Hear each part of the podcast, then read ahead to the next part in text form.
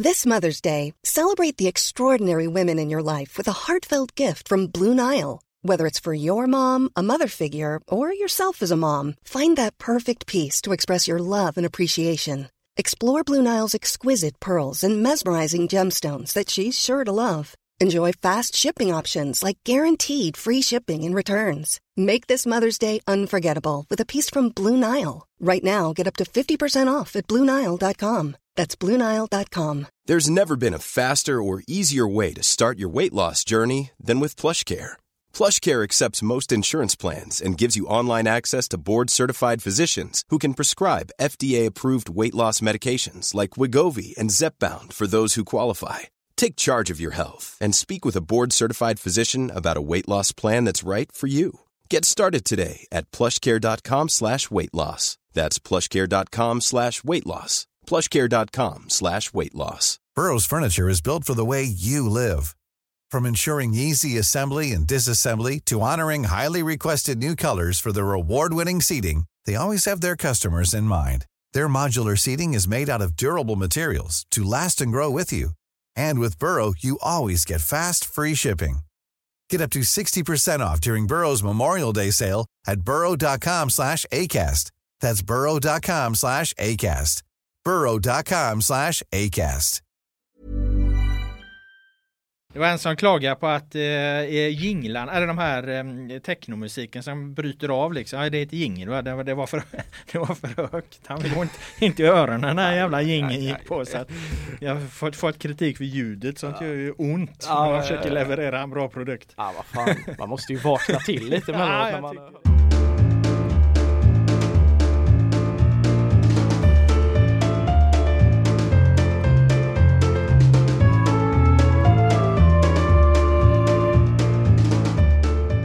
Hej och välkomna till GPs fotbollspodd som fortfarande saknar ett namn men där vi fokuserar på Göteborgsfotbollen i allmänhet och Göteborgsfotbollen i synnerhet. Vi som gör det är jag, Robert Laul och Filip Troler. Själv jobbar jag min sista dag idag innan semestern. Får du något ledigt Filip? Nej, inte lika mycket ledigt som en glidare som dig Laul. Åh jävlar! Vilket påhopp direkt! ja, vad skulle du ha? Var det åtta eller tio eller tolv veckors semester? Nej, du är galen! Tre veckor, sen ska jag jobba 41 dagar i rad med, med EM, ja. dam-EM ifall de går till final. Ja, nej, jag ska inte, jag ska inte kasta skit på dig. Jag kommer också få lite ledigt, men eh, det, det, är lite ovisst där. Det, det väntar ju tillökning i, i, familjen, så vi får se när, när det blir och eh, då blir det lite ledigt i anslutning till det och sen hela juli också. Så eh, mm det blir lite paus för mig också. Det låter bra. Nu är du här eh, redo att eh, eh, sätta igång det sista avsnittet som sagt för den här eh, våren då. Eh, och det poddavsnittet går ju i sammanfattningens tecken. Vi ska gå igenom lagen och deras eh, vårsäsonger. Givetvis ta ut Svennisskalan på de bästa spelarna i eh, respektive lag den här våren. Eh, men först, har du någon spaning för våra kära lyssnare? Ja men det har jag väl. Eh, I alla fall som kan intressera ÖIS-supportrarna. Mm. Ehm, Låt höra. Herman Sjögrell, Sirius-spelare som spelade i ÖIS så sent som förra sommaren eh, och såldes till, till Uppsala-klubben där. Han var på besök på Gamla Ullevis eh, läktare nu i eh, helgen när ÖIS lirade. Eh, satt i sällskap med Kevin Ackerman och, och någon till. Eh, be behöver naturligtvis inte betyda någonting alls mer än att Herman är hemma i Göteborg när han har semester och, och gå och titta på ÖIS som jag vet han, han håller nära sitt hjärta. Men det blir ju ändå lite spännande. Han har inte spelat jättemycket i Sirius och eh, ÖIS behöver förstärka truppen i sommar så eh, naturligtvis så blir man ju ändå lite nyfiken. Kan det vara något på gång? Ja, du ser en potentiell eh, eh comeback där för Sjögrell eventuellt i ÖIS. Sirius lirade ju i Göteborg eh, mot, mot Häcken i samma veva väl? Ja, precis. Det var väl dagen före där också så det är ju kanske att han tog det i anslutning till det liksom och, och, och stanna kvar i Göteborg eller någonting. Men Visst, ÖIS behöver kanske inte framförallt för, förstärka sin offensiv, den är ju rätt så gedigen, men som jag skrev här i, de här vårdomarna som vi har haft på, på sajt här i dagarna, att eh, eh, ÖIS saknar lite det här, ah, jävlar anamma och spelare som inte ser så jävla rädda ut och så tagna av stundens allvar som jag tycker många av spelarna ser ut att vara. ÖIS. Sjögrell har den där, han är irrationell, han, han kör, jag kommer aldrig liksom glömma hans, hans, det jag tror var hans debut i, i ÖIS A-lag i, i derbyt mot Gais. Gais. Det var en, en, en, match som var helt i stiltje och så kom han in och bara, han bara körde liksom. Och jag tror, jag tror den, den kvaliteten och den liksom den tryggheten han har i sig själv, det tror jag hade kunnat göra jäkligt gott för ÖIS faktiskt. Mm. Eh, vi ska gå in mer på ÖIS eh, senare i det här eh, avsnittet eh, och precis som du är inne på, de behöver väl eh, all hjälp de eh, kan få. Eh, innan vi tar oss an våra fokuslag så har jag en spaning också eh, och då ska jag börja med att fråga dig Filip, hur ofta har vi tagit upp domarmisstag eller omdiskuterade domarsituationer i den här podden? Jag tror fan inte det har hänt en enda gång eller? Helt rätt! Eh, det här är vårt 29 avsnitt och vi har tagit upp noll eh, tveksamma eh, domslut. Och det tycker jag är bra. Jag tycker det är normalt att det är ganska ointressant att diskutera enskilda domslut. Det enda man kan säga generellt är ju att storklubbar är extra gynnade jämfört med mindre klubbar. Det är allmänt vedertaget att de får mer med sig om man är en stor och mäktig klubb med mycket supportrar. Eh, med det sagt är det ju inte alltid helt ointressant att diskutera enskilda domslut. Det finns undantag och ett sådant undantag eh, såg vi ju i Svenska cupen-finalen mellan FC Rosengård och eh, BK Häcken. Eh, för den matchen slutar ju 2-1 till FC Rosengård och avgörs ju på ett mål i 109 minuten Eh, så signalerar assisterande domaren där att bollen är över eh, mållinjen. Det är alltså i förlängningen, 109 minuten, det är 10 minuter kvar att, att spela. Då tar de, eh, domarteamet det här eh, exceptionellt kontroversiella beslutet att, att döma mål. Eh, det är ju på tv-bilderna efteråt helt omöjligt att eh, se om bollen är över linjen. Det blir ju naturligtvis väldigt, väldigt omdiskuterat direkt efteråt, eh, efter att ha fått mycket och i, kanske lite väl hård kritik från vissa eh, Häckenledare så vägrar ju domarteamet då att svara på frågor. Men de har uttalat sig i efterhand och jag tycker att Sara Persson då som är huvuddomare och den som uttalat sig, jag tycker det är lite konstigt hur hon, hon väljer att Eh, och förhålla sig till det här.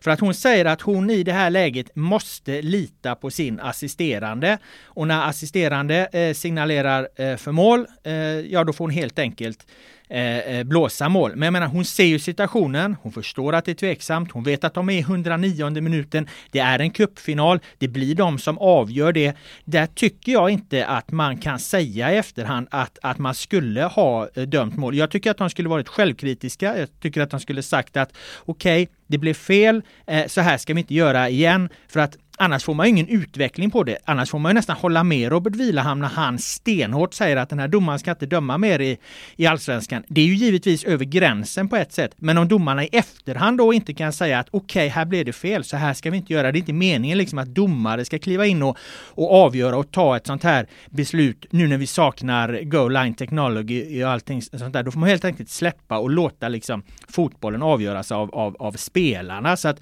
även om Robert Vilahamns kritik är över gränsen när han säger de ska inte döma mer så blir ju den kritiken nästan relevant när de i efterhand inte kan gå med på, på att okej, okay, här blev det fel.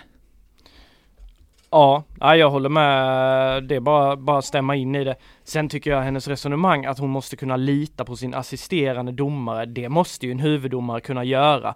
Men jag håller med dig, alltså när man har sett situationen så, så, det går ju liksom inte att säga, man brukar ju ha det som riktlinjer, man måste ju vara 100% säker på att bollen är över linjen om du ska döma mål. Och jag tycker inte det går, alltså det går inte att säga att man är 100% säker på, på att bollen är över. Och då borde de ha backat. Sen tycker jag generellt att också, jag håller med dig, alltså det är mycket tugg om det här med domslut fram och tillbaka och, och så. Jag är, ibland är det intressant att höra, höra domarnas syn på det. Eh, ibland tycker jag också att det blir lite överdrivet det där att domaren ska kommentera varenda situation. Men här gör de ju som du säger, de gör ett uttalande och där alla egentligen ser att, ja men det här, det var ju inte mål ju. Och så säger de, det blir liksom, nej jag, ja, jag håller med dig, de borde ha skött det här mycket snyggare. Ja, nej men det ramlar ju ner liksom i, i, i knäckfrågan. Ska man chansa som domare i 109 minuten i en kuppfinal i förlängning med ett beslut som avgör allting? Det är ju det, det, är det liksom. För att bevisligen i efterhand så ser man att de chansar ju här. De kan ju omöjligt vara säkra eh, på det. Och, och, och, då, är ju, då är den stora frågan, ska ni chansa i det här läget? Det är rimligt att man i en cupfinal i 109 minuten chansar.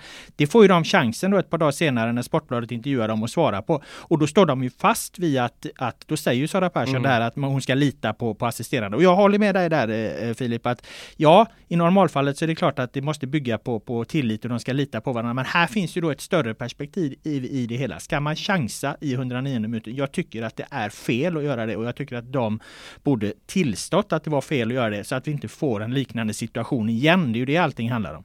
Ja, så är det. Sen, alltså det blir ju också alla beslut är ju någonstans, alltså det är ju någonstans en chansning eller en bedömning alltid och sen är det klart att allting ställs på sin spets i en kuppfinal, i en förlängning. Så jag, för, jag förstår att, att man, ja men det blir ju mycket mer, det blir mycket mer av det.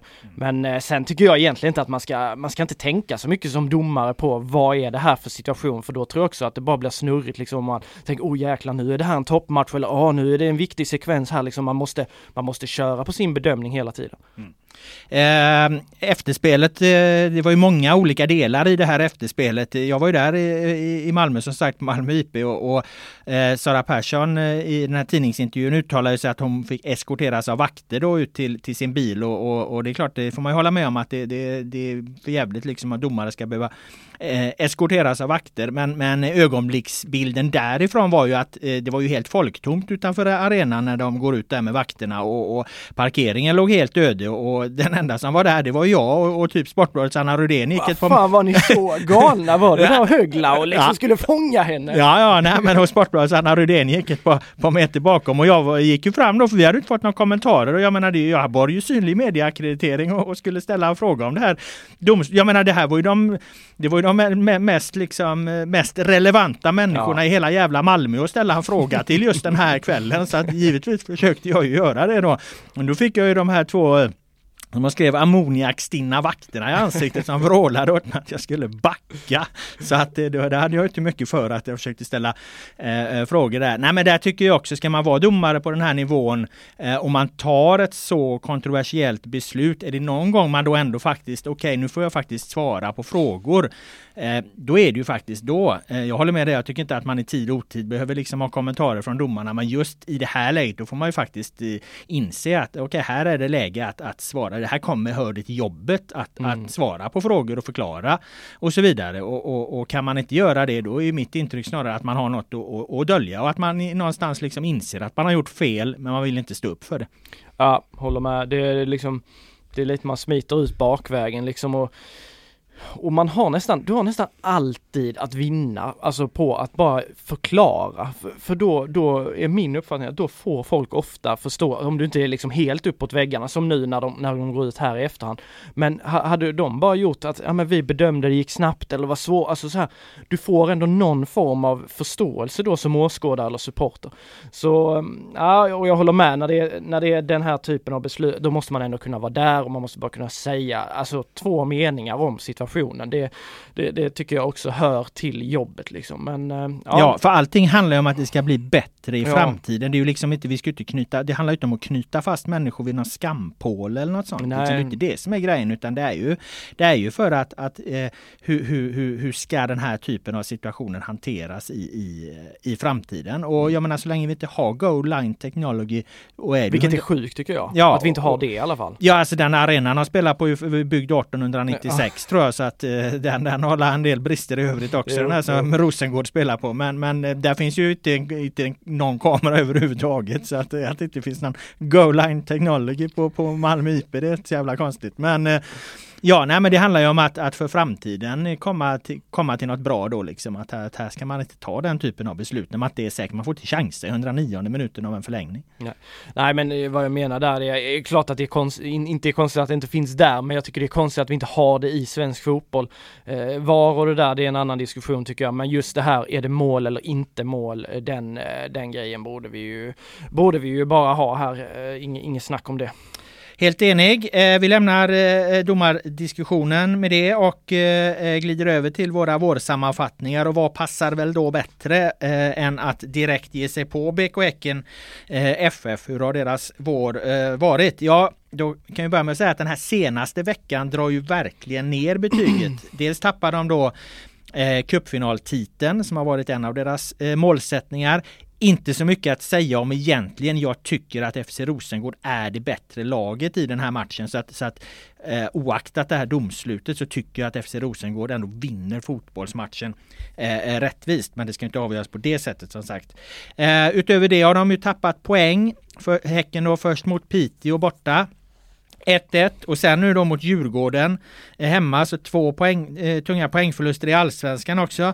Nu är de fyra poäng efter FC Rosengård och de har FC Rosengård kvar att möta på, i Malmö igen då. Eh, och det räcker ju då alltså inte att de ens att de slår dem borta, vilket ju är, är långt ifrån säkert att de gör, eh, Rosengård, och ändå liksom en bonuspoäng i, i den här, det här tvåkejsarslaget om eh, titeln där då. Eh, så att de har förlorat cuptiteln, ligger dåligt till för den allsvenska titeln och vad gäller att ta sig ut i Champions League så vet vi att där har Häcken också ett besvärligare utgångsläge eftersom de, de som fjolårstvåa då inte har samma gräddfil i lottningen. Så att jag menar det skulle kunna menar, det, det är på väg mot ett, ett, ett, ett trippelfiasko här för Robert Vilahamn och hans Häcken. Är det för hårt eh, Filip att ha som vår, vår avslutningssammanfattning? trippelfiasko. Ja, lite för hårt tycker jag nog att det är ändå. Alltså det är fortfarande, vi snackar fortfarande, vad, vad, vad sa vi, fyra poäng är det ju.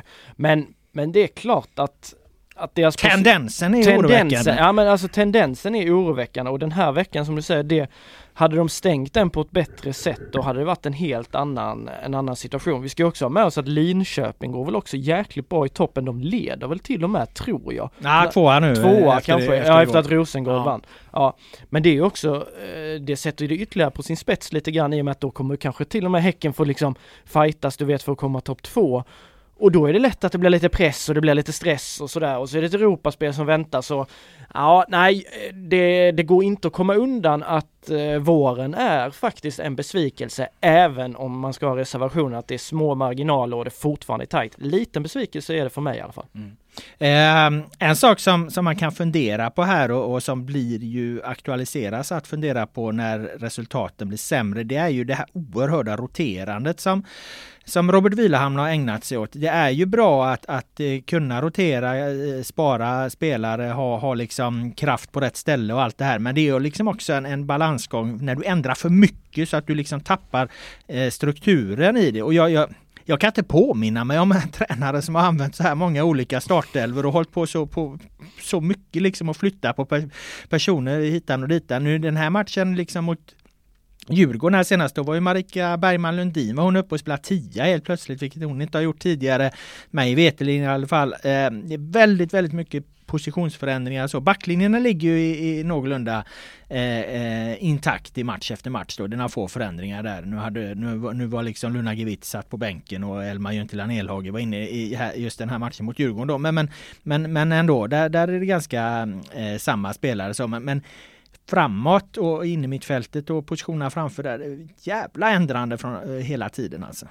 Det tyder väl på att han famlar lite grann. Alltså han känner själv kanske att han inte har, även om det, vi har ju varit inne på det tidigare, att det handlar också om att hålla truppen redo, det kommer eh, tuffare period i höst och då ska många vara inne i det och så vidare. Men lite måste jag ändå säga att jag tycker det är ett tecken på att han känner att han inte riktigt har hittat rätt med, med den offensiva uppställningen i alla fall. Och sen ska man väl ha med sig att är det någonstans där det där tränare oftare tillåter sig att testa och flytta och sådär så är det ju offensivt. Vi kan ju se Fredrik Holmberg i, i Gais eh, huvudtränare där. Han har ju också hållit på att rotera ganska friskt under den här våren och, och han har inte gjort det för att han har behövt göra det utan han har gjort det för att han vill göra det och för att han tror på det. Mm. Uh, uh, men det är absolut, ja, i det här fallet så känner jag att uh, nej, Vila, han, han, han, har inte riktigt den, du vet. Han har inte hittat den där, det här är min elva så, som jag vill ha i skarpt läge. Nej, det är precis så skulle jag, skulle jag säga att det är. Alltså om du, du ändå någonstans vet exakt vad du vill ha, du vet vad som fungerar bäst. Eh, du har det som ram, du kan gå tillbaka till det för att du vet att det fungerar. Men sen eh, rotera för att vila spelare, hålla motivation uppe i truppen och så liksom. Då, då, är, då, är, det, då är det då är det bra liksom. Men här känns det planlöst och när det då i kombination med svikande sker i kombination med svikande resultat och eh, målsättningar som är på väg att gå åt helvete, ja då blir det ju enkelt att, peka på det helt enkelt.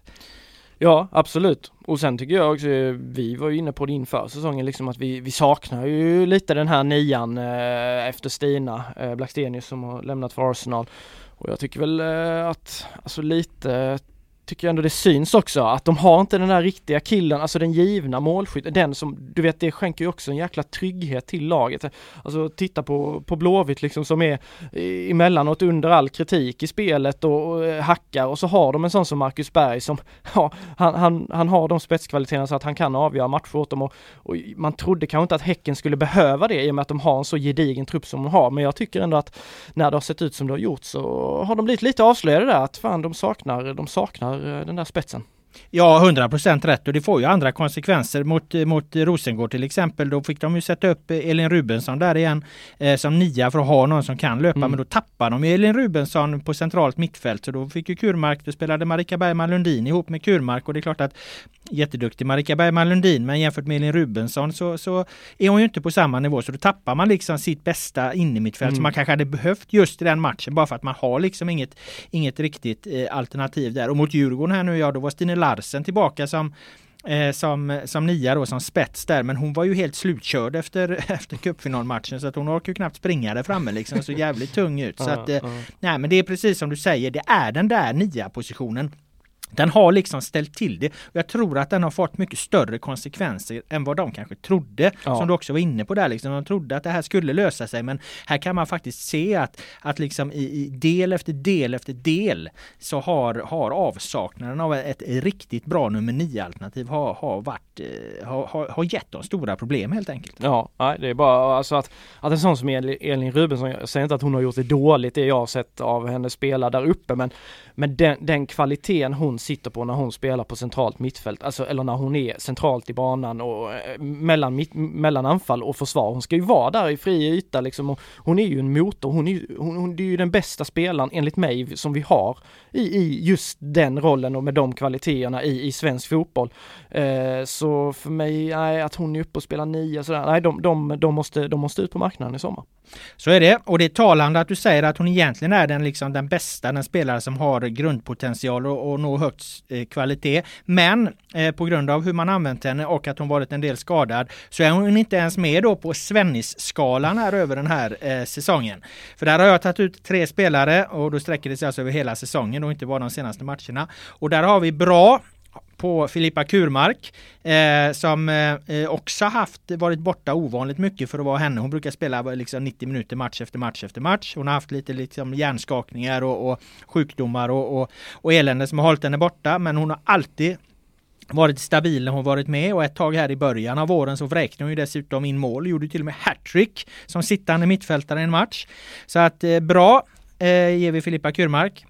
Mycket bra eh, ger vi till eh, Josefin Rybrink. Det är väl kanske inte det, det svåraste som finns att, att vara mittback i, i eh, ett så starkt lag som eh, BK Häcken. Men någon ska ju vara det och Josefin Rybrink har gjort det otroligt bra. Hon har väl i princip spelat varenda Eh, eh, rätta mig om jag har fel, men varenda sekund i den här, den här våren. Alltså hon spelar i alla fall i princip hela tiden och, och, hon sätter inte många fötter fel på en match. Hon har inte satt många fötter fel på, på en hel säsong. Man såg ju också när de möter FC Rosengård, när de möter bra motstånd, så var det Luna Gevitt som hade mycket större problem eh, än, än Josefin Rybrink som hanterar liksom när nivån skruvas upp där. Så att Josefin Rybrink, mycket bra.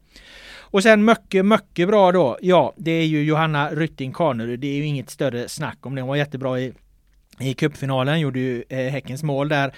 Eh, har liksom en enastående förmåga skulle jag vilja säga att, att, att, eh, att leverera i match efter match. Även om motståndet går ner, även om liksom utmaningen att möta något liksom lägre rankat lag här i damallsvenskan antagligen eh, inte är så märkvärdig för Rytting Kaneryd längre. Eh, hon siktar väl högre i sin karriär så tycker jag oftast att hon, hon, hon, hon levererar jävligt bra. Liksom. Hon sticker ju verkligen ut också. Man ser ju att det här är ju en klassspelare på väldigt många sätt. Ja, jag är bara, det är bara att instämma återigen. Eh, jag håller fan med på, på den här och Rybring tycker, tycker jag eh, förtjänar verkligen ett, eh, ett extra plus i kanten för Eh, hon, hon kom in till den här säsongen där man hade en förhoppning om att hon skulle kunna bli den nya ledaren och den som styrde och ställde i backlinjen. Men eh, man hade ändå lite frågetecken för hur bra hon skulle kunna vara i ett, i ett topplag, även om Kristianstad också varit bra tidigare så, så eh, hon har verkligen omfamnat den utmaningen och eh, ja, hon är ju klart en av seriens bästa försvarare. Och sen eh, Rytting, det är bara stående frågan, är hon klar för Barcelona Eller? ja, vi får läsa, se, hon ska ju leverera i, i, i EM, EM, här också. Eh, nu spekulerar jag lite i en krönika här idag att eh, vi såg ju Micke Stare då, Blåvitt-tränaren där, han dök upp på Sarpsborgs läktare tillsammans med chefscouten i IFK Göteborg, Stig Torbjörnsen. Eh, vilka kollar de på i Sar Sarpsborg kan man ju fråga sig. Ja, Anton Saletros spelar ju där. Jaha, vad har Anton Saletros med Johanna Rytting Kaneryd att göra? Jo, de är ju, de är ju ett kärlekspar sedan, sedan fyra år så att de kanske vill bo lite närmare varandra. Så att det, det kanske var därför Stare var i Sarpsborg för att eh, Saletros är på väg att flytta till Göteborg för att bo närmare kärleken. Men å andra sidan kanske Rytting Kaneryd flyttar till, till Barcelona här efter, efter EM och då blir Saletros själv i Göteborg istället. Blåser, jag vet inte om det är så mycket bättre. Anton, han får bara få komma hit och sen så säger hon nej, nej nu ska jag dra till Barcelona, du drar till Katalonien, har det gött där så lycka till här i, i blåsiga kalla Göteborg. Ja. Nej, nej men det var, ja det är lite... Det var en så kallad spekulation. Ja precis, det, det, får, det får vi vara tydliga med. Uh, nej men det ska bli intressant att se vad hon presterar i EM i alla fall för som du säger här i Allsvenskan så tycker jag hon stundtals är på en egen, eh, egen nivå i, i matcherna. Eh, och jag hoppas, jag hoppas verkligen att hon får mycket förtroende i, i EM och att man får se henne på den största scenen. Då lämnar vi med det BK Häcken och eh, eh, vad gäller våra övriga fem fokuslag då så tänkte jag att vi ska börja eh, bakifrån.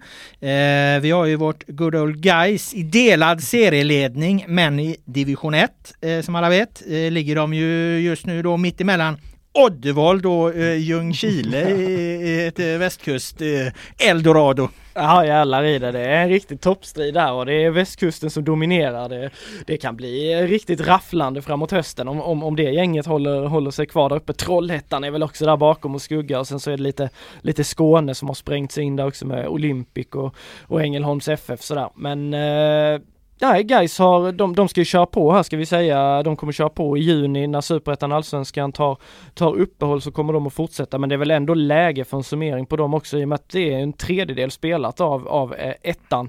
Eh, rent som kollektivt så, så är det bara eh, det går inte att säga något annat än att de har gjort det bra. De har en förlust och jag tror det är sju vinster och två kryss och har tuffat på efter en lite så här, ja, gnetig och, och, och, trevande inledning så har de ju, har de ju verkligen lyft och, och fått snurr på det. Eh, så, så de, får vara, de får vara nöjda hittills. Mm. Du var inne på det där när vi pratade om Häcken att, att eh, tränaren då, Fredrik Holmberg, att han har lyckats med eh, att eh, eh, eh rotera men utan att liksom tappa strukturen. Ja, och det, där får man plussa lite för Fidde i kanten också. Det var ju många spelare som, som, eh, som jag förstod det, liksom gick i, i bräschen för honom och när, när Gais sökte ny tränare i vintras att stanna Fidde, Jonas Lindberg var tydlig med det i alla fall, stanna Fidde, då stannar jag liksom. De ville ha honom och han har ju fått med sig gruppen, den här gruppen som till stor del är ju en, ett nytt lag. Men där är några bärande kuggar och han har fått med sig dem och det har varit många spelare, eh, vilket också kommer synas senare när jag ska ta ut Svenniskan, att jag, eller synas, men det, jag kommer nämna att, att det har varit jävligt svårt för det är många spelare som varit uppe och presterat och som har liksom, det har varit eh, flera individer som har tagit stora kliv.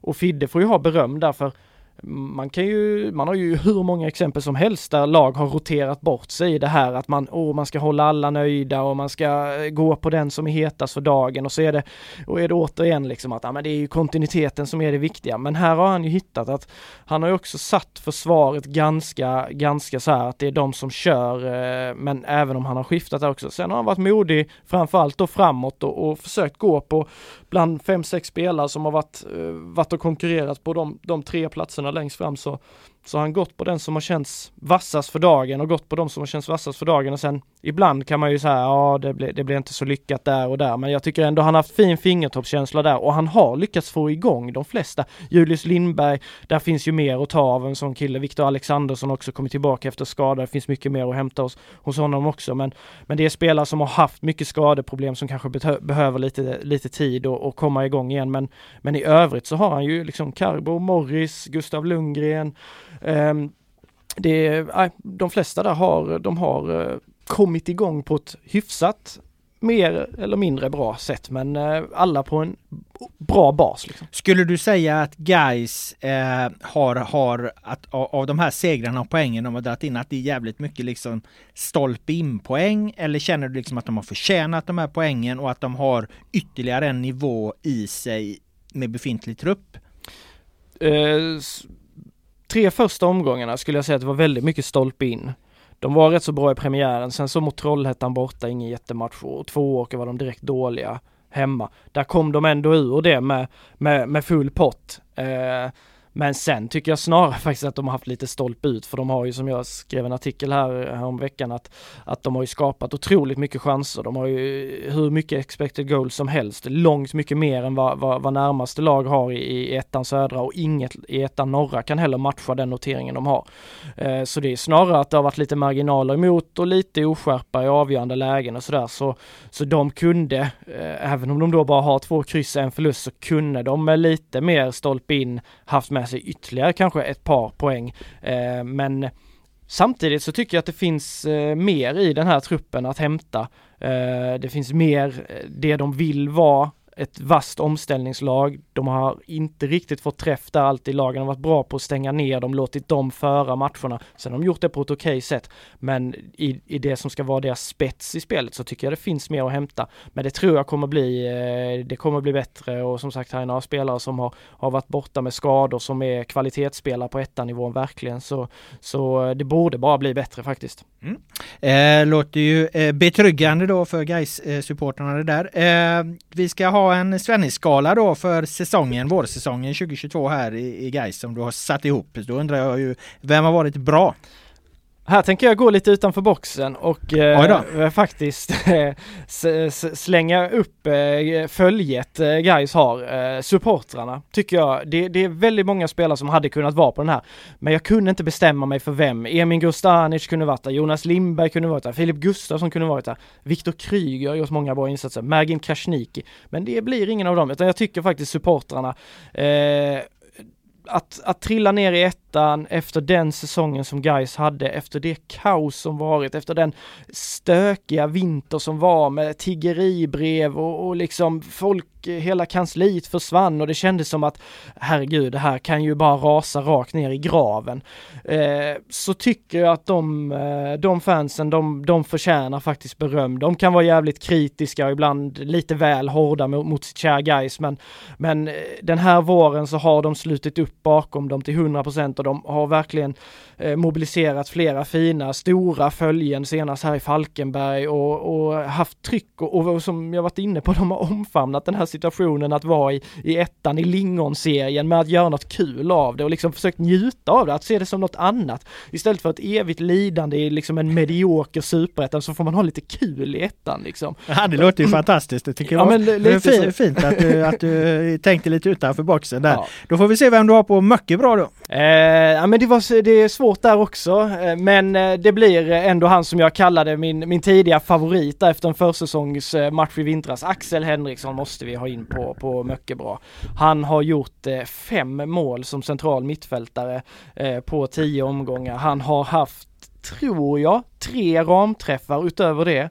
Eh, han kunde ha gjort ännu fler mål och han har varit, efter en bedrövlig start som han själv sa, eller katastrofstart sa han ju om, om, sin egen insats de första matcherna, så har han ju verkligen hittat rätt. Och han är en av spelarna som Fredrik Holmberg aldrig har flyttat på. Han har varit given i laget hela tiden. Och med den eh, dynamiken eh, som Gais får med hans löp, löpstyrka och hur han jobbar box till box, det är verkligen den här moderna fotbollsspelaren som alla, alla lag behöver. Alla behöver den mittfältaren. Så har han gett eh, Gais så otroligt mycket. Eh, och sen också då visat sig vara, vara en riktigt eh, pålitlig målskytt. Eh, så nej, det är riktigt fynd de gjorde i Axel och han kommer bara bli ännu bättre, är jag säker på. Ja, det låter ju imponerande när man hör det här måste jag säga, bli nästan sugen på att se honom i aktion. Och då undrar man ju ännu mer, vem har du på då på mycket, mycket bra, någon som ska trumfa detta? Vem ska kunna toppa detta? Det blir lånet från Ipswich, Ben Benny Morris. Eh, han som eh, har haft en mycket kämpig karriär. Han var med i det på, på, eh, på ungdomslandslagsnivå var han med i, Free Lions i England och eh, spelade, spelade med många stora spelare. Jag tror det är Phil Foden och den här generationen. Eh, sen eh, kom det tuffa skador, tuffa knäskador, var borta, kommer till Gais Göteborg. Jag hade inte några större förhoppningar på att det skulle vara något. Jag tänkte det är väl mest för att de ska hålla igång samarbetet. Han kanske kommer tillföra någonting. Men eh, tidigt så förstod man ju att man skulle ha fel. Han har en jävla acceleration. Han är irrationell, skapar chanser, även när de liksom har, motståndarna har lyckats låsa ner Gais så har han varit den som har lyckats bryta mönstret. Han har blivit petad och har eh, tagit det på ett bra sätt. Det var någon match, jag minns inte motståndet nu, men han sattes på bänken, kommer in, avgör den matchen för Gais. Det var kanske två åker där, ja det var det nog. Eh, men han har, han har levererat poäng, han har levererat både mål och, och, och, och viktiga mål ska det sägas. Uh, han har varit ett stort utropstecken och han förtjänar verkligen att vara mycket, mycket bra. Bra, eh, då lämnar vi Guys där som ju eh, inte egentligen inte är inne i något uppehåll men som du var inne på där har ju spelat sina tio matcher och då är det väl läge att göra ett, en liten uppsamling. Får bara flika in där. Ja. Såg du förresten att de lirade i gula strumpor? mot Falkenberg. Det var ett jävla liv om det på, på sociala medier. Vad fan spelar vi gula strumpor? Guys är väl aldrig gula?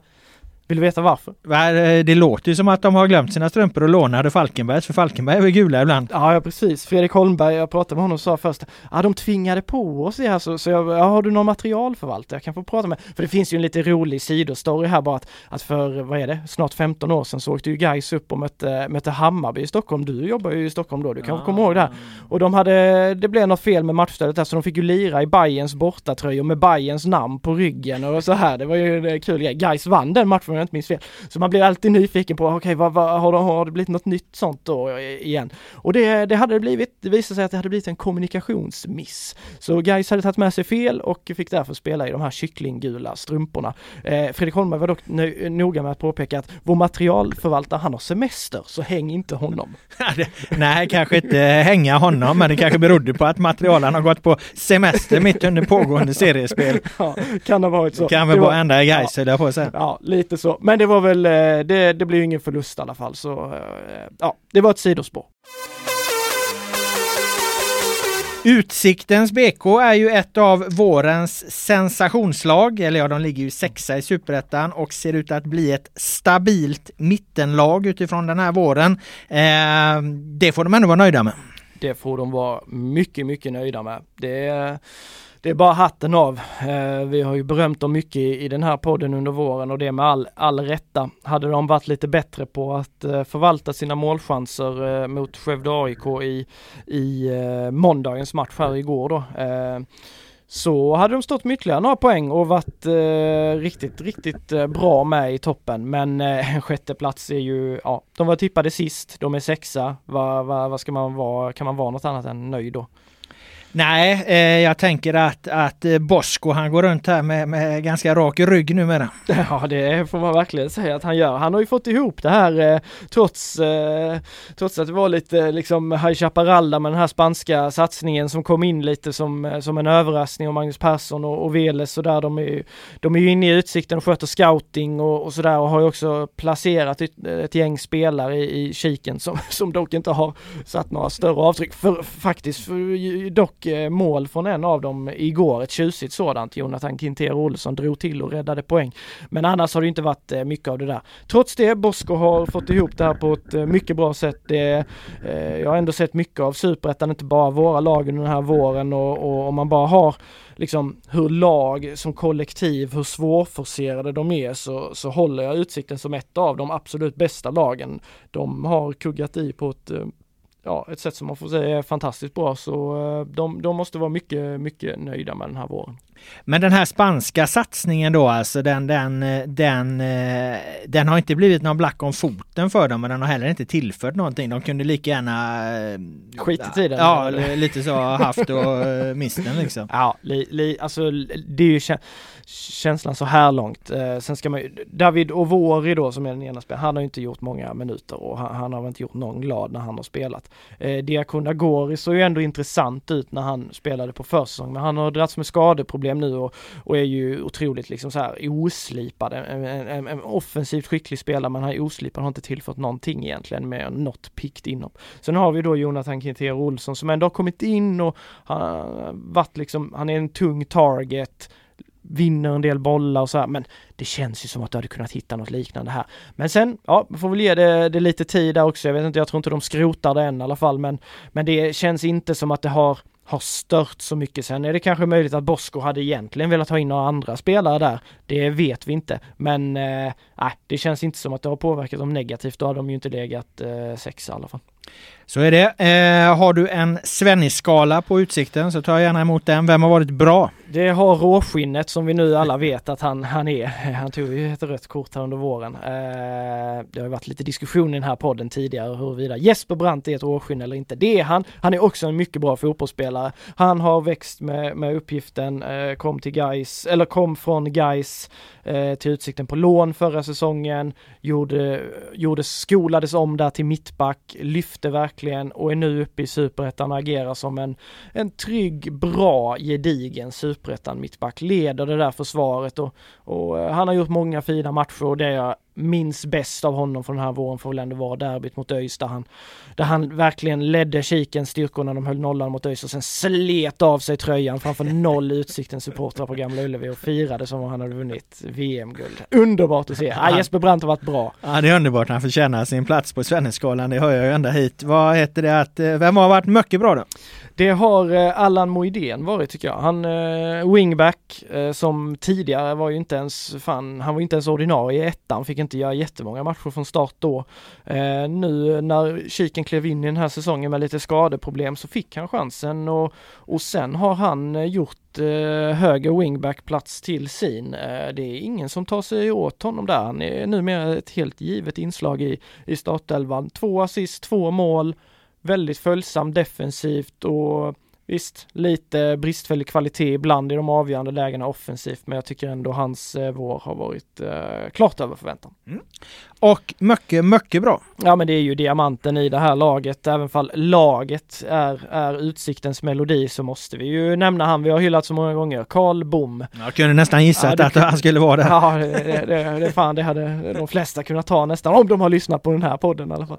Eh, nej, men han har varit fenomenal. Eh, nu blev det inget mål i, igår eh, mot Skövde där men eh, efter tio omgångar står han ändå på fem, fem kassar. Jag tror han har två assist eller ett assist och han är ju han är ju den som liksom är spindeln i nätet och har i, i offensiven och har ett otroligt liksom ja, bra på att kombinera och med självförtroende. Karl Bohm som har misslyckats på många platser i den här staden, i Häcken, i Blåvitt, i Gais, eh, har verkligen hittat hem i, i, i utsikten och eh, ja, han har inte bara varit en av Utsiktens bästa spelare, han har också varit en av Superettans bästa spelare den här våren. Mm. Om han blir såld vidare här nu någon gång i framtiden, då får du nästan ha procent på det Filip, så som du har snackat upp honom. Du får ju kräva eh, att det är hans agent, det att ja, 5 procent ska gå till liksom ja, eh, fikakassa till den här podden så mycket som du har hyllat honom. Ja, det kan, låter som ett bra förslag. Ett förslag i min smak. Vi kör på det. Du, i samma serie då, sist i samma serie i Superettan så har vi ju eh, ÖIS som vi ska glida över till nu då. De står på fyra poäng, fyra poäng på tio matcher. Det är sju poäng upp till eh, Västerås på fast mark om jag räknade rätt. Eh, detta då monumentala fiasko så här långt som, som vi ju har berört eh, många gånger. Eh, jag vet inte vad, vad, vad mer som finns att säga om det, om det just nu. Finns det något liksom hopp, något ljus i sikte för de vid det här laget hårt prövade ÖIS-fansen? Nej, ja, du, när, nej, djup suck. Ja, nej men när du, så här, när du tittar på när du tittar på tabellen och du ser att tio omgångar är spelat, du ser att det är noll i segerkolumnen, det är fyra i krysskolumnen och det är sex i förlust. Alltså vem fan hade kunnat tro? Jag tycker det säger ganska mycket om superettan, vilken sjuk serie det är. Utsikten som då de flesta hade dömt ut, de, de hittar vi som sexa och så hittar vi ÖIS som lag 16. ÖIS som vi, vi och väldigt många med oss, de själva också, hade 100% räkna med att de skulle vara i toppen. Och eh, närmast ovanför sig den här tabellen, när du ändå inne på det ska man säga, där ligger ju Östersund strax ovanför då. Ja. Sen har du Jönköping Södra ja. och sen eh, Dalkurd. Det är ju tre lag som i närtid har spelat i fotbollsallsvenskan inom fem år. Liksom. Ja, så, ja. så har ju de, alla de tre lagen har ju varit uppe och nu är de då eh, på nedflyttning ihop med ÖIS och, och på kvalplats då de här tre Eh, i närtid eh, allsvenskt spelande lagen. Ja, nej, och Jönköping det var ju också ett storsatsande lag inför den här säsongen och, och Östersund visst det känns som att det alltid är ett av de allsvenska lagen som ska rasa rakt igenom superettan. Det har vi sett förr och det kanske är på väg att hända igen. De har ju inte haft eh, någon munter vår där uppe heller. Och Dalkurd, men det är ändå intressant. Alltså hur, visst Dalkurd kanske många hade trott skulle vara i botten, men det är ju, det är ju omvända superettan år efter år efter år. Att vi, man ska, man ska tippa tvärt emot vad du tror på förhand, så ska du bara vända på det och så bara slänger du in det. Du kör ett tips och sen så vänder du tabellen och skickar exakt, in det. Ja, och skickar in det. Så ska, så ska jag fan göra nästa år. Men, men när det gäller ÖIS så tycker jag ändå att nu har Brynja Gunnarsson, nye tränare, han fått tre matcher här. Eh, jag tyckte försvarsspelet stabiliserades verkligen i de två första matcherna. Sen är det katastrof, defensiv insats mot Dalkurd här i, i helgen där de släpper tre mål på 17 minuter och Nej, jag, jag, tycker det finns knappt ord för hur dåligt försvarsspel det är i samband med ett par av de målen. Både 1-2 eller eh, ja, både 1-2 och 2-2 målet är under all kritik. Så, så om, till att börja med, om det ska finnas någon som helst hopp för ÖIS, som om de fortsätter med det här poängsnittet skulle landa på 12 poäng i Superettan. Det, det vore, äh, det, så, så illa tror jag inte det blir. Men om det ska finnas någon som helst hopp för dem så måste de ju under det här uppehållet se till att sätta defensiven och hitta, alltså de måste ju bli elakare. De, de låter Dalkullspelarna dansa förbi dem, eh, kontring, de får jogga förbi dem. De, det är ju bara fan sänk spelaren liksom. Nej men allvarligt talat, de, de agerar ju så, så lamt så att det är, det är pinsamt. Men då måste man ju nästan börja fundera på det här då. Vi har haft den här debatten om eh, sportchefen Igor Krull och, och, allt det var hans betydelse. Han satte ihop en trupp och så. Men, men om nu liksom, om, om du nu liksom Dan Ivarsson först misslyckas och sen så tar du in nästa gubbe och försvarsspelet fortfarande är lika uselt. Alltså då, då är det här ingen ledarfråga längre utan då är det ju helt enkelt att de, här, de har missbedömt sin trupp. Den här defensiven, de här spelarna är helt enkelt för usla där bak. Eh, eh och, och, då faller ju ändå det ansvaret på sportchefen som har satt ihop truppen tänker jag. Ja, ja men eh, klart att man kan, kan resonera på det sättet. Sen tänker jag så att de är liksom, de är inte beredda på den här typen av fotboll. De tror, alltså det här laget skulle ju med sin egen fotboll, med sin egen kvalitet liksom kunna nöta ner motståndare och då kan man ha överseende med det här. Men sen tycker jag också att spelarna måste ju, alltså det är spelare som ändå var väldigt bra försvarsspelare i, i höstas. Nu vill jag inte, jag vill inte hänga enskilt, men en sån som Erik Norgren, han var ju otroligt nyttig och, och täckte ytor och var hur skicklig som helst under, under hela hösten. Hans eh, försvarsagerande här på, på, eh, på 2-2 målet, det är ju, det är ju så här, men jag vet inte, de känns lite försiktiga. Det är precis som att det sitter fortfarande kvar lite det här att det skulle vara vackert, det skulle vara fint, det skulle liksom vara mycket skulle byggas på den egna förmågan. Eh, men det har liksom blivit ett kajko där och nu måste de liksom vara tuffa, de måste spela fulare, de måste vara mer jävlar anamma. Men jag tror ju att Brynja Gunnarsson, det är svårt att hänga honom liksom för tre matcher, man kan få kortsiktig effekt, det var det de hoppades på, de har inte fått det, men nu har de det här uppehållet där de kan sätta, sätta ett försvarsspel och också som kollektiv hitta hur kan vi ge varandra bäst förutsättningar att försvara man-man också liksom, för det känns som att de, det är inte bara att du kommer snett i olika situationer utan det är för att laget är fel i, i lägena. Jag tänker att de måste värva också, värva bättre ja. försvarsspelare och kanske framförallt värva bättre målvakt. Jag vet inte, målvakten var ute i något, eh, något halabaloo där nu också i matchen här. Ja, Molin. Ja, där har de ju också haft, alltså Fredrik Andersson var, Fredrik Andersson var ÖIS trygga punkt tillsammans med Hannes Salin och Ailton då som var där i fjol, som inte är kvar. Det var tre rutinerade kuggar.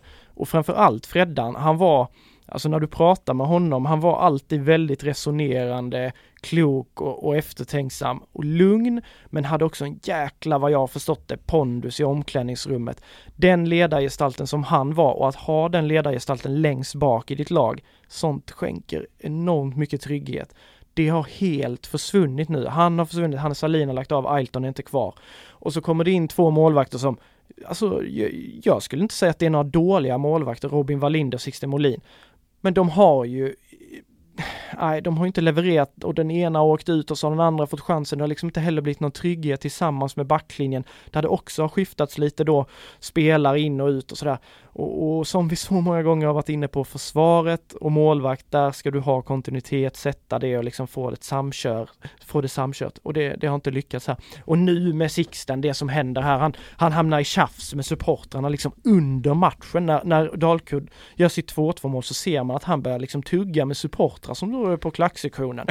Gud, han börjar babbla med dem under matchen ja, alltså? Ja, alltså, jo, men de skriver... Sen vet man ju... liksom... Det får man ju stänga av ja, under det, matchen. det måste, alltså liksom. sen, sen vi... Om det liksom inte är några så här rasistiska grejer och Nej sånt, precis, liksom. precis. Vi vet ju inte vad som har sagts för Sixten kom aldrig ut till någon intervju efter matchen och man kan läsa på sociala medier och sådär vad det påstås att han har sagt men jag tycker det är bara onödigt att liksom dra upp det innan vi, alltså innan man vet och innan han har fått uttala sig och sådär. Det vi vet är att, att målvaktstränaren hälsade att, att Sixten var liksom otroligt ångerfull och han liksom äh, skämdes över sitt agerande.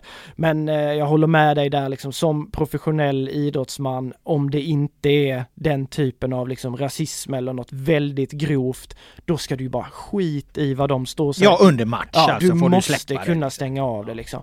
För det kändes som att han, han hamnar ur balans där liksom. Och sen så gör de 3-2 och så efter matchen så ska han ändå gå dit där liksom i det läget när han har fått så mycket skit och, det, och de är besvikna fans och sådär. Alltså, fan går inte dit, men så går han dit och så blir det tjafs igen och så blir det bråk och så får de dra, dra bort honom därifrån och nej, det är ju bara, så målvaktsfrågan absolut, där, där där behöver de nog faktiskt agera. Nu när läget är som det är. Sixtens förtroende är liksom halvt förbrukat här hos delar av supportrarna i alla fall. Wallinder har inte rosat marknaden. Målvaktsfråga, det behövs någon central försvarare också tycker jag och framförallt en riktig jävla mittfältare som liksom skövlar och visar med sitt kroppsspråk att vi, vi är inget jävla mjukislag här utan vi, vi blöder för den här skölden liksom. Och, ja, jag, jag nämnde i min text som jag skrev, Jakob Lindström eller Alexander Falseta som sitter i kylan på hissingen Fan ta dit en sån gubbe liksom som, som väcker de andra. Jag tror det hade gjort så gott för det här laget. Mm.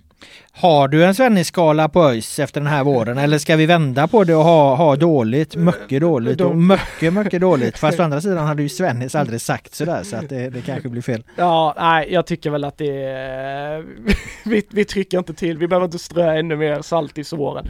Men det är klart... Sparka på den som nej, ligger kanske. Precis. Nej men det är klart att det är många som inte har presterat på den nivån de borde. Men om vi tar bra så tycker jag ändå Sergon Abraham får, får hamna på bra. Jag tycker inte han har imponerat i spelet. Eh, perioder har han gjort det bra, eh, hittat lite kombinationsspel, var bra i premiären, eh, men har sen också blivit lidande av att ja, man hamnat lite på bänken och, och det har varit stressat och pressat. Han, han, men ändå har han gjort fyra mål, gör mål, bra individuell aktion nu mot Dalkurd. Ja, jag tycker ändå, ja, det får räcka. Offensiven har ju ändå varit det där, där det har varit, ja, inte oproblematiskt, men minst problematiskt då.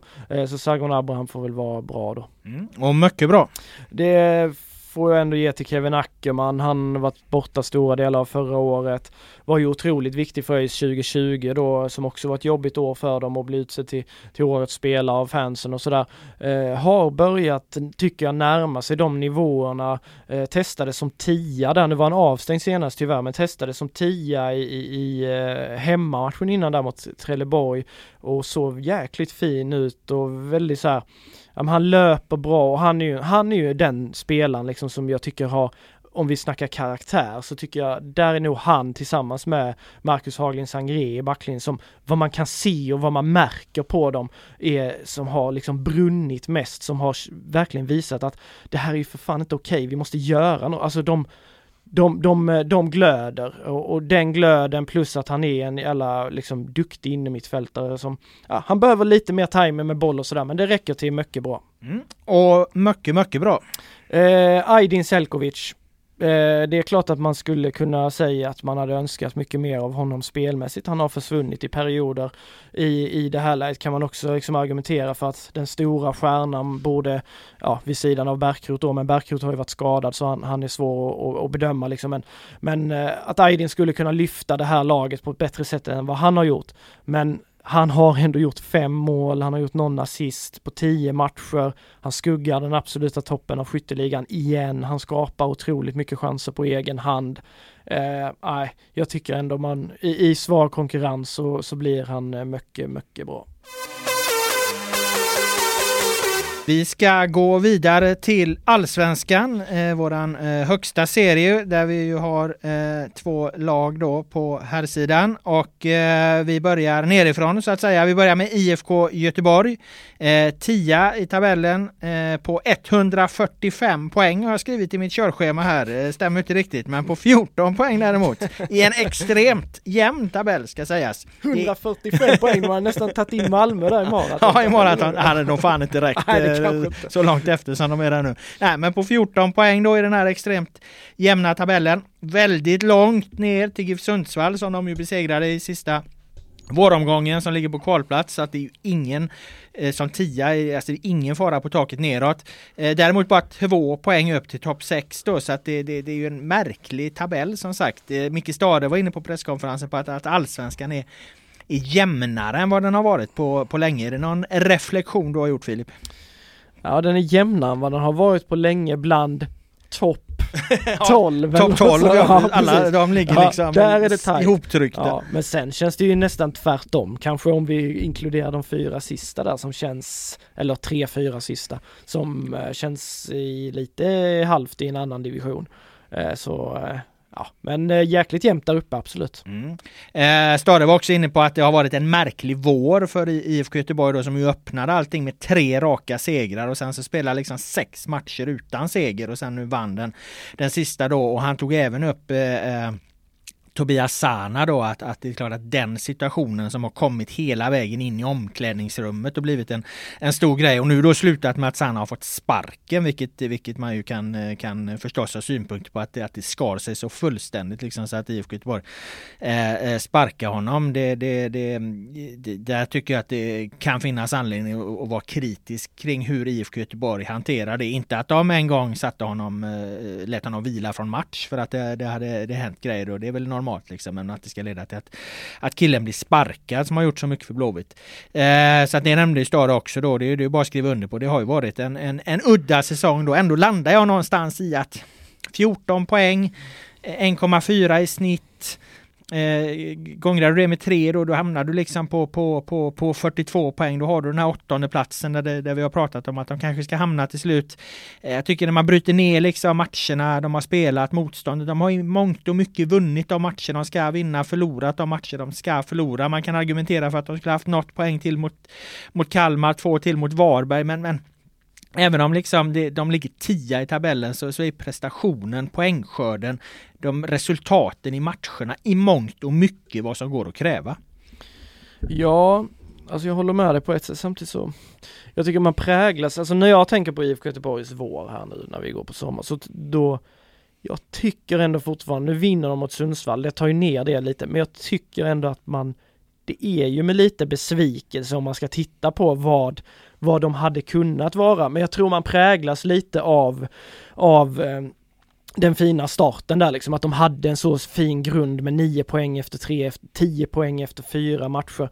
Eh, men ja, jag tycker nog att man hade kunnat förvänta sig lite, lite mer. Jag hade faktiskt gjort det, för jag har ju hela tiden varit av åsikten att jag tycker 11 är så pass bra att, att jag tippade ju dem som sexa eller någonting och där tycker jag väl de ligger lite under, under den förväntningen. Sen om det är jag som haft en skev förväntansbild eller inte, jag vet inte men Nej men jag menar, du, om du säger sexa där, jag menar hade de, som jag var inne på där, de tagit en poäng till mot Kalmar och vunnit mot eh, Varbergs Boys, då hade de haft ett poängsnitt på 1,7. ja. Tar du 1,7 gånger eh, över 30 omgångar då, det ger ju 51 poäng och 51 poäng historiskt, ja då är du femma, sexa i tabellen. så jag menar det, ja. det är ju väldigt lite Ja. till att vara det. Och det är därför jag säger att det är klart den här tionde platsen går väl liksom att säga att okej, de är tia, det, det, det är ju sämre än, än förväntat. Men det är ju någonstans är det ju ändå i linje med, med, med vad man kan vänta sig att de ligger. Det, det, och det är så otroligt små eh, rörelser för att de ska vara där.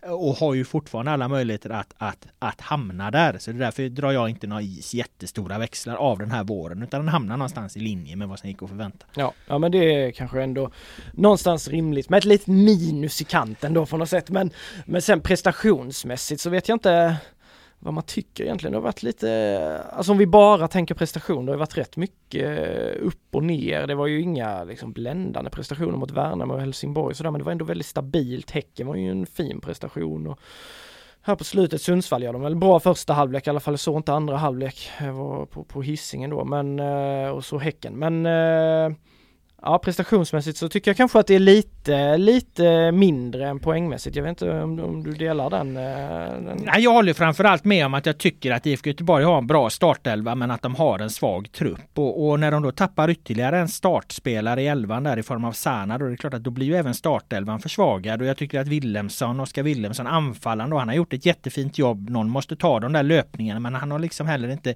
inte levererat. Så jag tycker väl att någonstans att nio elftedelar av den här startelvan har har, har, har, funkat ganska bra. Men, men när, när du liksom har så två tydliga positioner där det inte funkat riktigt lika bra då. För jag tycker heller ingen, ingen, ingen har hoppat in och tagit Sanas plats och gjort den till sin. Mm. Hussein Kanei har fått chansen, Gustav Norlin har fått chansen, Kevin Jakob har fått chansen. Ingen har verkligen liksom sagt att visat att den här platsen ska jag ha. och, och och, och, eh, eh, och ehm, ja, men levererat på Sanas nivå, även om Sanas eh, nivå också dippade lite grann så, så ändå ingen, ingen varit uppe på den nivån. Och så Wilhelmsson som sagt. Så att eh, det, kan väl, det kan väl förklara det då. Sen, ja, det är en bra start. Det är en det är en sämre trupp. Jag menar, det blir ju, det blir alltså jag tycker det blir larv, det blir patetiskt, det blir inte på riktigt när det startas liksom kampanjer och sjungs ramsor om en kille som har gjort, vad fan har Erik Sorgan har spelat 18 minuter liksom.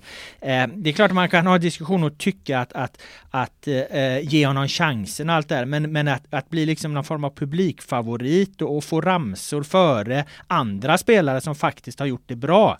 Eh, ska, det, det tycker inte jag känns eh, riktigt liksom rimligt någonstans utan då, då, då blir det lite på låtsas. Jag tror, undrar ju också vad fan tänker liksom spelarna i laget eh, när, när, när fansen vill ha in en spelare som de kanske tycker, ja men han är ju inte på den nivån liksom. Det finns en anledning till att han sitter på bänken. Det blir också konstigt liksom för spelarna att förhålla sig till att helt, helt plötsligt så sjungs det sånger om någon gubbe som liksom egentligen inte, inte har på den nivån att göra. Förstår du vad jag menar? Ja, eh, jo, jag fattar hur du menar. Och ur, ur deras perspektiv så kan det ju vara konstigt. Men samtidigt, jag förstår ändå det på ett sätt. Just för att situationen har varit, alltså du vet extrema situationer, det, det, det skapar, alltså det, det händer saker då. Och situationen med Erik Sorga får ju ändå sägas vara extrem, alltså för för han kom ju ändå hit på ett långt kontrakt, vilket indikerar att Blåvitt är här, det här är en kille vi tror på. Han ska absolut konkurrera där uppe med Oskar Willemsson och sådär. Eh, det här blir spännande att följa tänker man. Och sen så bara så, så, ser du inte röken av honom på för fan eh, en hel vår nästan. Och det byggs upp lite och fansen ser, åh oh, jävlar han gör det bra i U21, han öser in mål i U21, vi vill se honom, vi vill se honom. Och så blir det, ja men det blir det och sen verkar han ju vara, han verkar ju vara en skön profil måste man ändå säga. Ja, ja, jag så. frågade han efteråt där när vi var där liksom, vad fan, varför är fan har du blivit populär för? I don't really, I don't have no idea liksom. Alltså, I don't understand that eh, either liksom. Så att han fattar ju inte heller det här va. Och, men jag menar, det, jag menar det är ju inget konstigt egentligen med kolla Alamari har värvad, hur många minuter mm. han gjort? Det är inte många. Eh, eh Gustav Norlin värvades eh, förra året, han, han har ju inte blivit ordinarie. Han, Bernardo Villar eh, gör ju heller liksom inte många minuter. Så att det, jag menar, det är ju inte så att det är inte så att, att bara Sorga har hamnat där, utan det är många av de här värvningarna eh, som inte är hemvändarna, som inte har fått spela helt enkelt. Ja. Det är bara att titta liksom på att de, de spelare som Pontus Farnerud, den förre sportchefen, och värvade, många av dem har ju, har ju fått tydliga eh, roller som andra eh, violinister. ja, jo men det skriver jag under på, men en sån som Alamari och Norlin, de har ju ändå varit inne och känt på det och gjort någon startmatch här och där och, och sådär.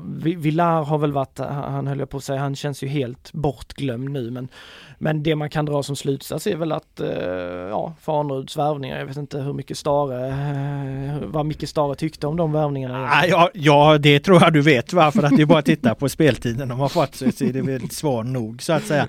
Eh, jag är ju väldigt präglad av, av av Sorga när vi följde dem i Marbella och han hade den här insatsen mot Nordsjälland precis innan han missade upp ett mål direkt. Och sen så var han ju, han, på träningarna när man tittade mycket på Blåvitts träningar så såg man okej, okay, det här är inte en kille för startelvan. Det syntes väldigt tydligt. Mm. Sen har jag också fått till mig att han har utvecklats under våren. Han har blivit allt bättre. Han har kommit närmare liksom ett inhopp och han fick ju nu en kvart då som högerytter. Men det finns ju också en anledning till att man har plötsligt har skolat om killen till högerytter liksom. Ja.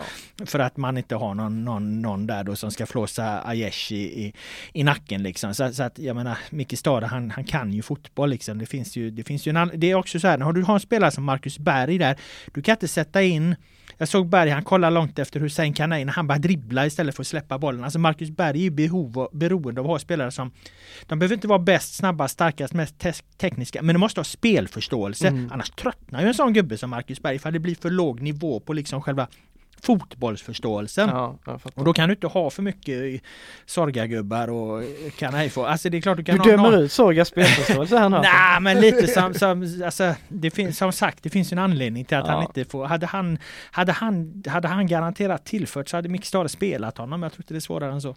Nej, Nej jag, jag, alltså jag köper ganska mycket av det men, men jag tycker ändå, jag tycker fan det är något charmigt i det här och framförallt så känns det som att det är något som, ja men att det blir, du vet, drabbas, eller utländska spelare som kommer långväga ifrån som är lite udda liksom så här, som kommer, han kommer från Estland, vad var det, någon jävla chips eh, sponsorkontrakt, alltså Ja men det är det jag menar, det, då blir det, inte på riktigt, ge Kalle Johansson ja, en sång ja, för fan, ja, han nickar undan finns, varenda boll Jo va? men det finns ju ändå lite, det är som Gais där, de hade ju någon grek, Mavrodis Bugaidis, han gjorde en halv eh, höst i Gais tror jag och, och han, de tryckte upp tröjor, den jäveln finns ju på någon jävla tröj, t-shirt de kör sådär, så ja, jag tycker fan, jag tycker det är lite kul när det finns några sådana spelare som blir en form av kultspelare. Även om jag förstår att det är liksom, jag köper det där att det är mer motiverat att spelare som har gjort något på riktigt för laget förtjänar ramsor och sådär. Men jag tycker det är lite kul. Ja, det är jag som börjar bli för gammal kanske. Jag ska dra en eh, Svenne-skala här och den eh, styr jag över och där ser du ut röken av Erik Sorga så mycket kan jag säga.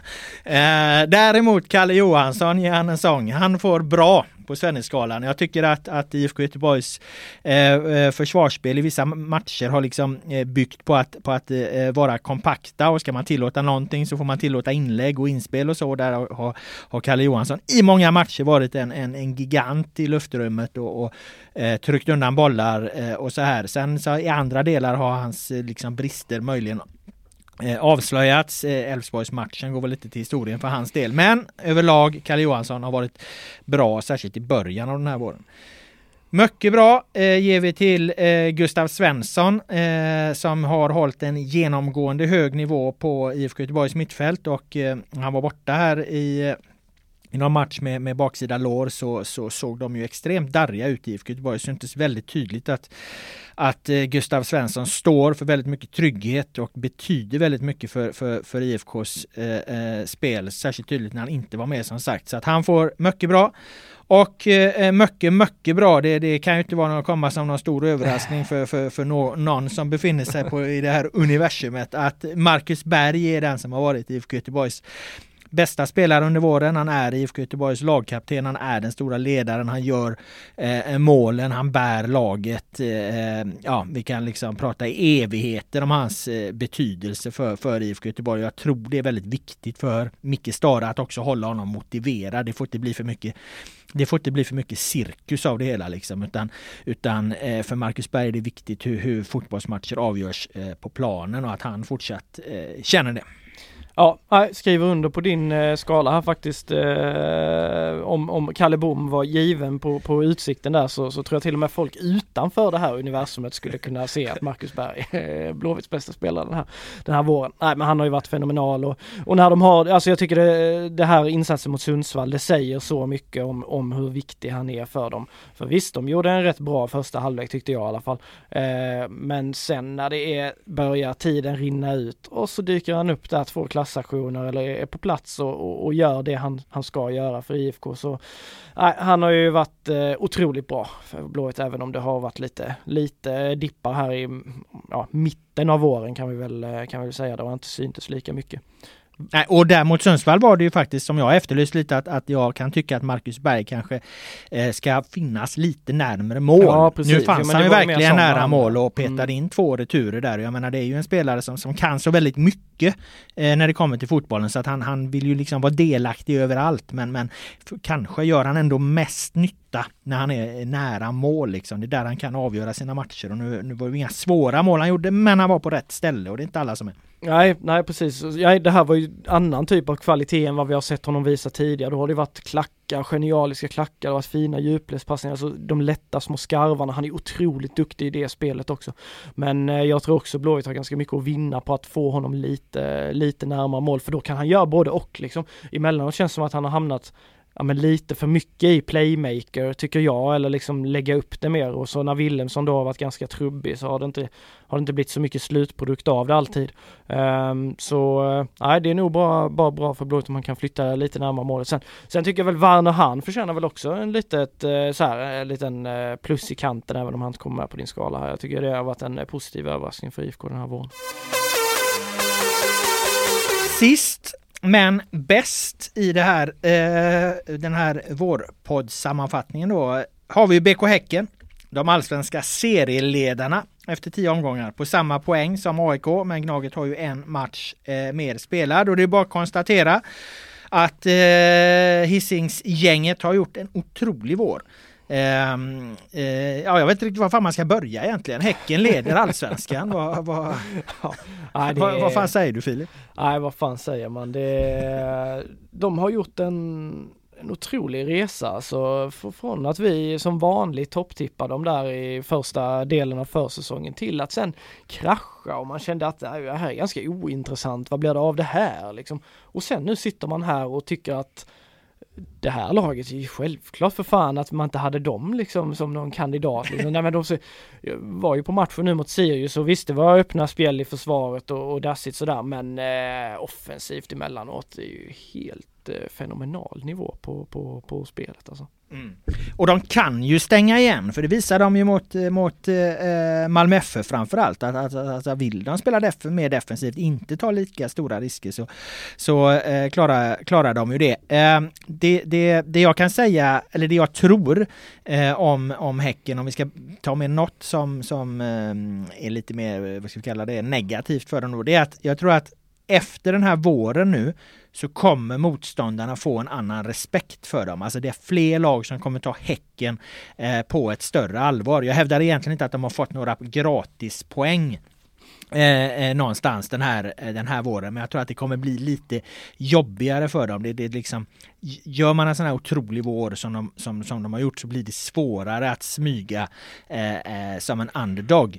Men det spelar egentligen inte så stor roll. Jag tror inte att Häcken kommer ligga kvar och vinna fotbollsallsvenskan 2022. Det tror jag ingen annan heller tycker. Men, men däremot så Även om de andra lagen får mer respekt för dem så, så, tror jag det här är ett lag som kommer vara med och utmana om de här Europaplatserna ända in i kaklet. Och bara det tycker jag är en jävligt stark eh, prestation av Häcken om de kan göra, om de liksom kan, kan jaga liksom Malmö FF och, och Stockholmslagen, flåsa dem i nacken ordentligt. Vara ett lag som verkligen gör det. Bara det är ju en imponerande prestation. Ja absolut, det är inget snack om den saken.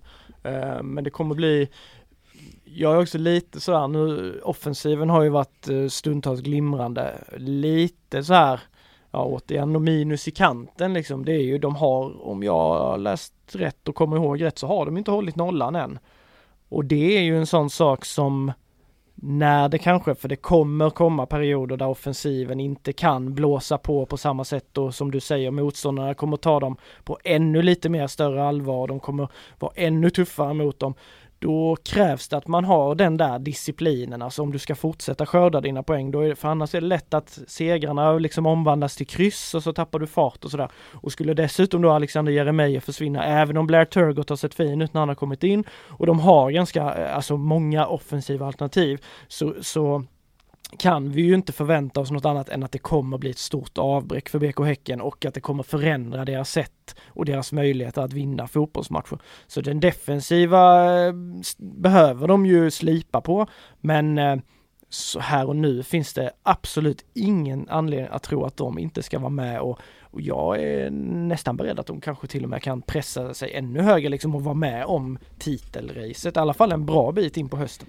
Eh, ja, det vet det fan. Eh, särskilt, lite, eh, särskilt med tanke på att jag tror och tycker mig kunna läsa mellan raderna att, att Alexander Jeremejeff eh, lämnar. Och, och eh, då, det är ju du inne på, då blir de ju försvagade. Men menar du att de kan utmana om titeln även om Jeremejeff försvinner? Ja, det kommer såklart bli svårare. Eh, mycket svårare. Men det beror ju också på vad som händer i, i fönstret. För jag tror, eh, som läget är nu, så tror jag inte att Häcken skiter i att ersätta Jeremejeff, även om de har Blair Turgott. Jag tror de kommer ta in någonting då.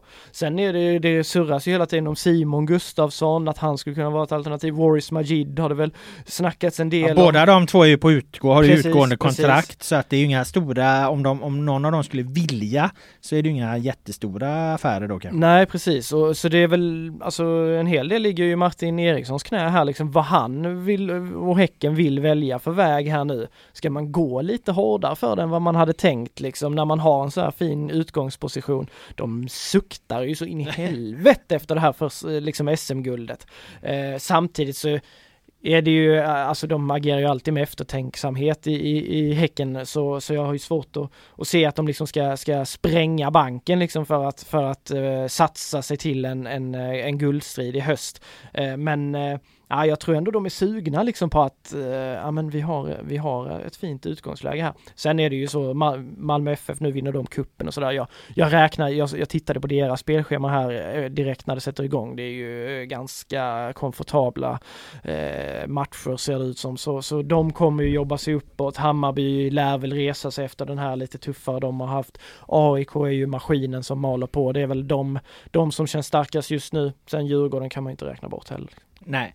Eh, en, en, annan sak, eller en sak som verkligen sticker ut i det här Häckenlaget, eh, jag ska se om du håller med om det här, det är ju deras eh, innermittfält där, Samuel Gustafsson, Gustav Berggren och Mikkel Rygaard. Eh, de tre ihop. Eh, det är ju ingen diskussion längre som det var inledningsvis här om Erik Friberg, att han var petad och så. Jag tror att den, den frågan finns ju inte. Jag tror inte ens Friberg skulle protestera längre mot att han sitter på bänken. För att min fråga till dig är, Finns det något inne mitt fält som så genomgående har spelat på så hög nivå de här tio omgångarna som, som eh, Häcken har gjort. Jag är lite inne på att det här är vårens bästa mittfält i Allsvenskan. Inget snack, tycker jag. Oj. Nej men det tycker vilket skulle det vara?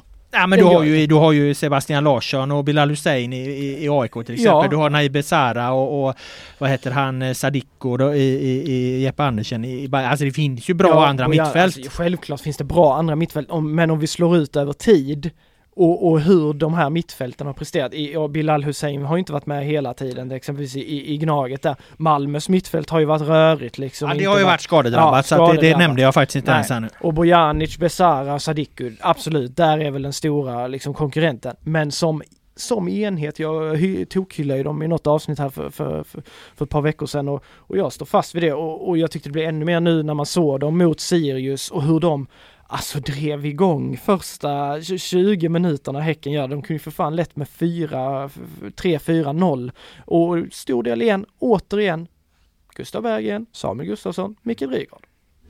Eh, det gör det lite komplicerat när man kommer till Svennis-skalan. För å ena sidan skulle man vilja kasta in alla de tre eh, och bara köra dem rakt upp och ner. Men samtidigt har du ju då den allsvenska skyttekungen Alexander Jeremejeff på 10 mål på 9 matcher. Nu har gjort lika många mål som Blåvitt här. Nu har väl Blåvitt gått ifrån med ett där, men det har varit en liten följetong här. Så att Svennisskalan, det var ingen lek ska jag säga dig att få, få ihop den här. Vi får, Nej, se, vi får se om du håller med här nu då. Eh, det gör du förmodligen inte eftersom jag har satt Mikael Rygaard som bra.